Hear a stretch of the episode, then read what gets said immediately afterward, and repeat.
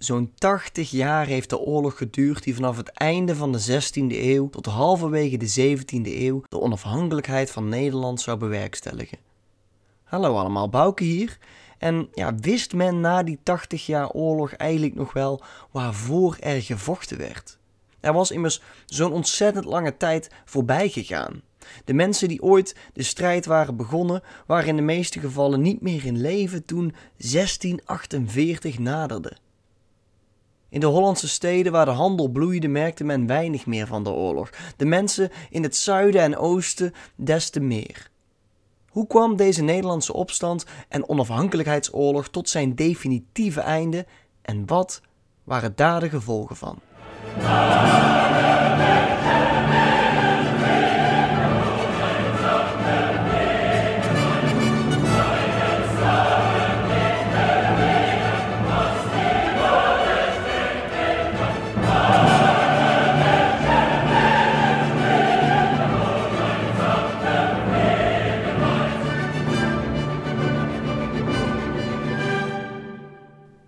We pakken het verhaal weer op aan het einde van het 12-jarig bestand. De relatief korte gevechtspauze tussen de Republiek der Zeven Verenigde Nederlanden, die zichzelf als het nieuwe wettelijk gezag in de Noordelijke Nederlanden zagen, en de Spanjaarden, die veel problemen hadden met de bevoorrading en betaling van hun troepen. Gedurende de wapenstilstand ontpopte de republiek zich tot grote mogendheid en werd er een gordel aan forten en vestingsteden in gereedheid gebracht aan de randen van de Verenigde Nederlanden voor de volgende fase van de oorlog. Ondertussen ruzieden staatsgezinde remonstranten en oranjegezinde contra-remonstranten over de invulling van het protestantse geloof met elkaar. Dat conflict mondt uiteindelijk uit in de executie van een van de belangrijkste grondleggers van de republiek. Johan van Oldenbarneveld wordt door zijn rivaal prins Maurits van Oranje in het jaar 1619 vermoord. De staatsgreep van Maurits luidde een nieuwe periode in waarin de Oranjegezinde partij onder de prins van Oranje aan de macht was. Ook elders in Europa groeide de onrust gedurende deze periode spanningen tussen katholieke en protestante staten en de rivaliteit van Frankrijk met de Habsburgers zorgden voor grootschalig oorlogsgeweld op het continent. Dit is de geschiedenis ingegaan als de 30-jarige oorlog tussen 1618 en 1648 en woedde voornamelijk in het Heilige Roomse Rijk, de Spaanse Nederlanden, Noord-Spanje en Noord-Italië, met gevechten in Afrika en ook op het Amerikaanse werelddeel. En daarnaast werden er ook nog zeeslagen uitgevochten op bijvoorbeeld de Atlantische Oceaan en de Middellandse Zee. Wegens de enorme spreiding van de vijandelijkheden kan men hier spreken van het eerste langdurige wereldomspannende conflict, ofwel Wereldoorlog. In het jaar 1621 liep het bestand tussen Spanje en de Nederlanden af en na mislukte onderhandelingen over de verlenging van de vrede werd ook de Republiek deze grote Europese oorlog ingesleurd. Het waren de Habsburgers die de eerste klap in 12 jaar uitdeelden met de belegering van de Zeeuwse stad Sluis. Vanaf de jaren 1621 tot het jaar 1628 verkeert de republiek in staat van beleg. Veel steden en vestingen vielen weer in handen van de Spanjaarden. Nieuwe Spaanse embargo's en blokkades maakten het de Nederlanders erg moeilijk hun handel voor te blijven zetten. De Spaanse militaire aanwezigheid werd opgeschaald met een tal van belegeringen, terwijl de defensielasten zwaar op de republiek drukte, waardoor Maurits zich alleen nog maar kon richten op verdedigende acties. Omdat hij als generaal vaak te velden was en hij de staten van Holland hun macht had ontnomen, broeide er naast een militaire en een economische crisis nu ook een bestuurscrisis. Als Maurits niet in Den Haag was, gebeurde er weinig, omdat het politiek bestel van deze tijd bovenmatig zwaar leunde op de persoon van de stadhouder. Er zijn weinig lichtpuntjes te melden gedurende deze periode, behalve het ontzet van Bergen op Zoom in 1622. Gedurende een periode van vijf maanden beten de Spanjaarden zich met duizenden soldaten tegelijkertijd stuk op deze vestingstad. Het bekende lied merkt toch hoe sterk over het ontzet van Bergen op Zoom werd gedurende de opstand een hit dat de Nederlanders hoop gaf.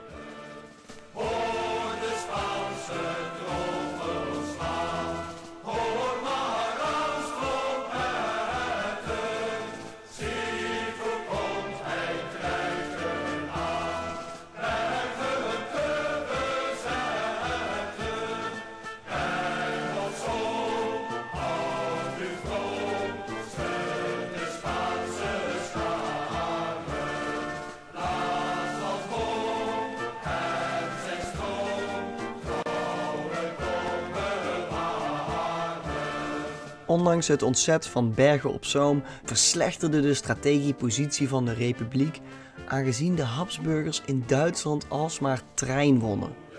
In het westen van Duitsland sloten katholieke landen zich aan bij de Spanjaarden, waardoor Nederland omsingeld werd met vijanden. Wanhopig werden de Nederlandse belastingen verhoogd en werd geld losgeweekt in Frankrijk, dat ook concurreerde met de Spanjaarden. Het mocht echter niet baten. Aangeslagen door de grote verliezen, schade aan persoonlijke eigendommen en een steeds meer geïsoleerde politieke positie kwijnde prins Maurits geleidelijk weg. Hij overleed in april 1625, toen de republiek er slechter aan toe was dan ooit sinds de moord op Willem van Oranje. Na de dood van Maurits in 1625 volgde zijn halfbroer Frederik Hendrik hem op als prins van Oranje en later stadhouder van het belangrijkste deel van de republiek. Met Willem de Zwijger zou Frederik Hendrik de innemendste van alle prinsen van Oranje blijken. Hij bezat de sluwheid en strategische inzichten van zijn oudere halfbroer Maurits, zonder diens tobberige en wraakzuchtige ondertoon. Hij was een staatsman die altijd de voorkeur gaf aan de compromis en de middenweg boven drastische maatregelen. Frederik Hendrik stopte met de religieuze repressie van het Mauritsregime en liet oogluikend beperkte katholieke activiteiten toe in Nederland, terwijl hij probeerde te bemiddelen tussen de remonstranten en de contra-remonstranten. Hij had een verfijnde Frans getinte smaak en gaf overvloedig geld uit, onder andere aan de herinrichting van zijn paleizen en de bouw van nieuwe, met name dat aan het Noordeinde in het centrum van Den Haag en Huis ten Bosch aan de rand van de stad. Hij vulde zijn paleizen met barokke kunst van Zuid-Nederlandse kunstenaars zoals Rubens en Van Dijk, die nog steeds te bewonderen zijn. Onder prins Frederik Hendrik gaat het ook beter met de oorlog. Vanaf 1604 was de republiek in het defensief geweest, maar in 1629 ontstond er door de problemen in het Spaanse kamp ten gevolge van de enorme militaire verplichtingen over heel Europa de gelegenheid de Spaanse omsingeling van de republiek te doorbreken. In het Spaanse Brussel begon men zich zorgen te maken in het besef dat ze niet genoeg troepen hadden om de belangrijke vestingen van Breda en Den Bosch te redden als ze belegerd zouden worden. Na een felle discussie tussen de gewesten en steden wist de prins de neuzen dezelfde kant op te krijgen in Nederland. Met een leger van 28.000 man en een enorme batterij artillerie, kanonnen dus, marcheerde de stadhouder op naar Sertogenbosch. Deze stad was een belangrijk bolwerk in de Spaanse verdedigingslinie en werd door zijn ligging onneembaar geacht. Ondanks verwoede pogingen van de Spanjaarden om zijn legers bij de stad weg te lokken, volhardde Frederik Hendrik en bedwong hij de moerasdraak, zoals Den Bosch ook wel genoemd werd in die tijd. Dit was een sensationele gebeurtenis en een verpletterende klap voor de Spaanse prestige. De overwinning van 1629 luidde een nieuw tijdperk in en toonde aan dat nu de Nederlanders een strategisch overwicht veroverd hadden. Na het triomf bij Den Bosch zette Frederik Hendrik zijn zegentocht voort langs de rivier de Maas en veroverde hij achtereenvolgens Venlo, Roermond, Sittard en Maastricht. Frederik Hendrik kreeg de bijnaam de Stedendwinger en verwierf status voor het ambt van stadhouder dat de prinsen van Oranje nog zeker een eeuw hierna geland zouden geven. En dan een fantastisch feitje tussendoor. De Spaanse troepen die tegen de mannen van Frederik Hendrik vochten, werden niet altijd geleid door Spanjaarden. Integendeel zelfs. De Spaanse troepen werden aangevoerd door een man die zich in volle neef van Frederik Hendrik mocht noemen. De Nederlander Hendrik van den Berg. Hij was in Spaanse dienst terechtgekomen doordat zijn vader de kant van de Spaanse koning gekozen had, zoals heel veel edelen dat eigenlijk hadden gedaan. Net als zijn broers vocht hij in het Spaanse leger en hij had zich voor het 12-jarig bestand in dusdanig grote mate onderscheiden in de strijd dat hij na het bestand het opperbevel over de Spaanse troepen in de Nederlanden kreeg. Zo zou je kunnen stellen dat de opstand en de conflicten die hieruit voortvloeiden zelfs doordrongen tot in de eigen familie van Willem van Oranje. De eenheid die wij nu min of meer normaal vinden in Nederland was dus ook zelfs in de 17e eeuw in deze fase van de oorlog nog niet bereikt. Mede door de problemen van andere oorlogen waarbij Spanje betrokken raakte en de problemen rondom bevoorrading en financiering komen de Spaanse legers steeds weer in de verdrukking. Frederik Hendrik behaalt nog enkele grote overwinningen. Zo werd de belangrijke vesting Breda veroverd. De veroverde gebieden behoorden voortaan tot de Republiek, maar kregen geen stem in de Staten-Generaal. Gebieden zoals Staats-Brabant en Staats-Vlaanderen kennen we in die tijd ook wel als de Generaliteitslanden, militair gebied onder de controle van Den Haag. Naarmate de oorlog langer duurde, vonden steeds meer Hollandse regenten dat er voldoende gewonnen was en wilden geen geld meer uitgeven aan het landleger. Frederik Hendrik was hierop tegen en wilde de strijd voortzetten. De prins was echter ouder aan het worden en zijn gezag werd steeds vaker ondermijnd door de Staten-Generaal en de Staten van Holland. Zoals zo vaak beslist degene die betaalt en werd er een Nederlandse delegatie samengesteld om de republiek te vertegenwoordigen aan de vredesonderhandelingen die jaren zouden gaan duren. De strijdbel werd op 15 mei 1648 definitief begraven toen de Republiek en Spanje de Vrede van Münster ondertekenden. Frederik Hendrik zou het einde van de 80-jarige oorlog niet meer meemaken. Hij stierf op 14 maart 1647. Drie dagen voor zijn dood had hij voor het laatst nog een delegatie regenten ontvangen en hij besloot dat bezoek met de woorden: Ik ben den Heren Staten dienaar. Met de dood van Frederik Hendrik was na decennia niet langer de Oranje Partij onder de prins, maar de staatsgezinde regenten van Holland de belangrijkste macht in de republiek. De onderhandelingen van de Vrede van Münster waren onderdeel van grotere vredesbesprekingen in Europa en zijn de geschiedenisboeken ingegaan als de Vrede van Westfalen. In deze vrede werd de eerder genoemde Wereldoorlog van de Dertigjarige Oorlog beslecht. Westfalen had enorme gevolgen. Zo waren het niet langer de Spaanse Habsburgers, maar de Fransen die dominant waren in Europa. In het vervolg werd er voortaan gestreefd naar machtsevenwicht in plaats van naar een supermachtstatus die de Spanjaarden hadden gehad.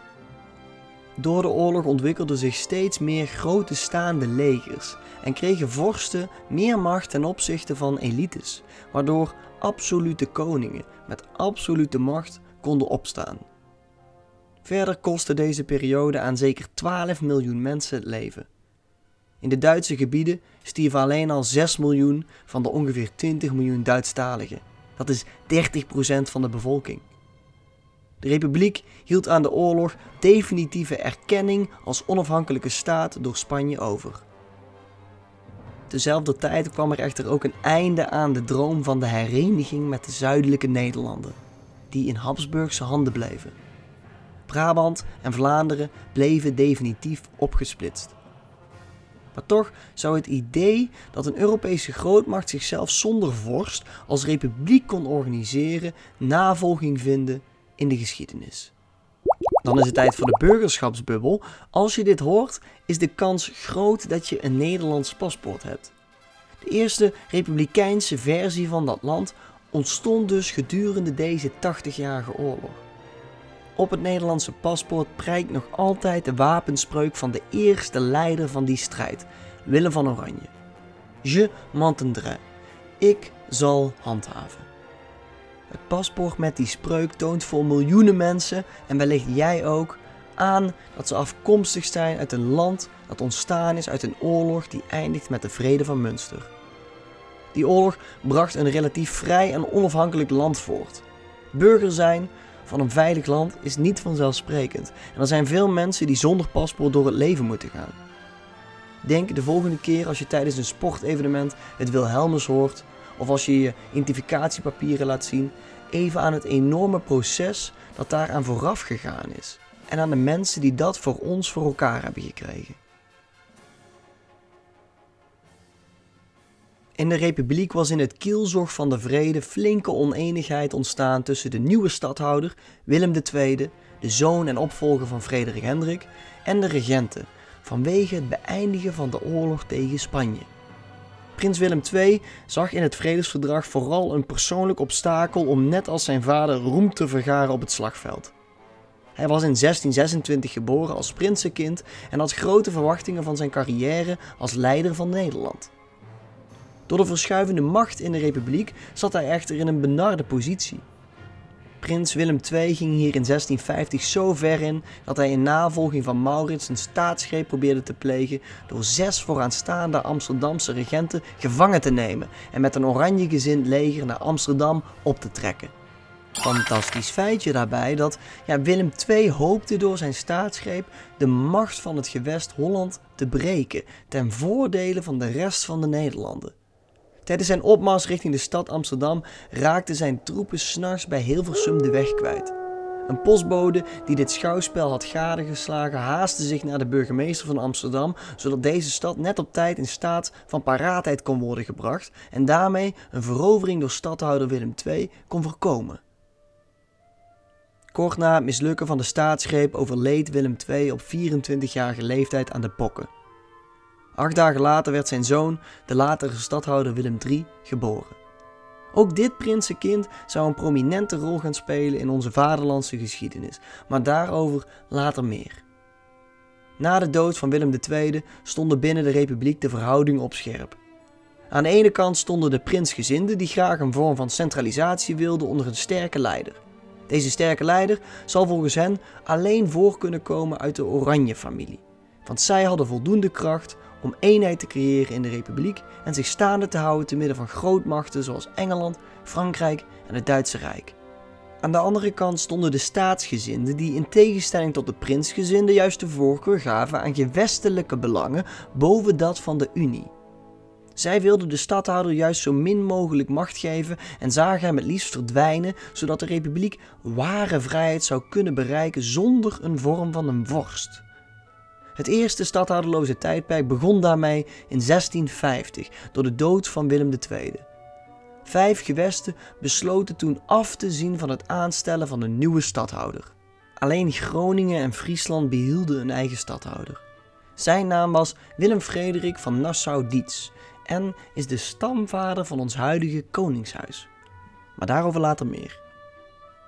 Eenmaal vrijgevochten van de Spanjaarden domineerde Nederland voor even de wereldzeeën en werd haar bevolking de rijkste van de wereld. De nieuwe raadspensionaris van Holland, Johan de Wit, ontpopte zich tot de belangrijkste van alle regenten die de republiek bestuurden. Hij werd zelfs zo invloedrijk dat hij in het buitenland King John genoemd werd. De Wit was echter een geboren republikein en hij geloofde dat de Verenigde Provinciën als geheel nou, zij het met voorrang voor de zaken van Holland, een evenwicht moesten scheppen waarin het staatsbelang gediend moest worden. Hij verachtte territoriale expansie, militaire macht als doel op zich en concentratie van macht in de handen van de staat. Wat hij nastreefde was veiligheid voor de staat, vrijwaring van inmenging van buitenaf en bevordering van handel en scheepvaart. Hij zag hierin de regentenelite als de enige rechtmatige vertegenwoordigers van de bevolking en was er oprecht van overtuigd dat Europese koningen en Duitse vorsten er slecht op uit waren op bevoordeling van hun eigen families en uitbreiding van hun territorium. Doelen die niet gelijk en vaak in strijd zijn met de belangen van de onderdanen. Onder andere door deze moderne republikeinse opvattingen van Johan de Wit werd na de dood van Willem II de jonge prins Willem III als kind van de staat in bewaring genomen door de Staten-Generaal. De prins werd goed opgevoed en kreeg een opleiding, maar naarmate hij ouder werd, kreeg hij geen echte macht, zoals zijn voorouders dat wel hadden gehad. Tijdens dit eerste stadhouderloze tijdperk van 1650 tot 1672 beleefde de republiek haar hoogtepunt. Helemaal zorgeloos was Nederland echter niet. Het was oud-bondgenoot Engeland die een steeds grotere plek opeiste op het wereldtoneel en vooral op zee in botsing kwam met de belangen van de Verenigde Nederlanden. De sterke man van de Republiek, raadspensionaris Johan de Wit, meende dat alleen met een machtige vloot de handel en de veiligheid van de Republiek gegarandeerd kon worden. Hoe dat verder afloopt, vertel ik later. Tot de volgende keer.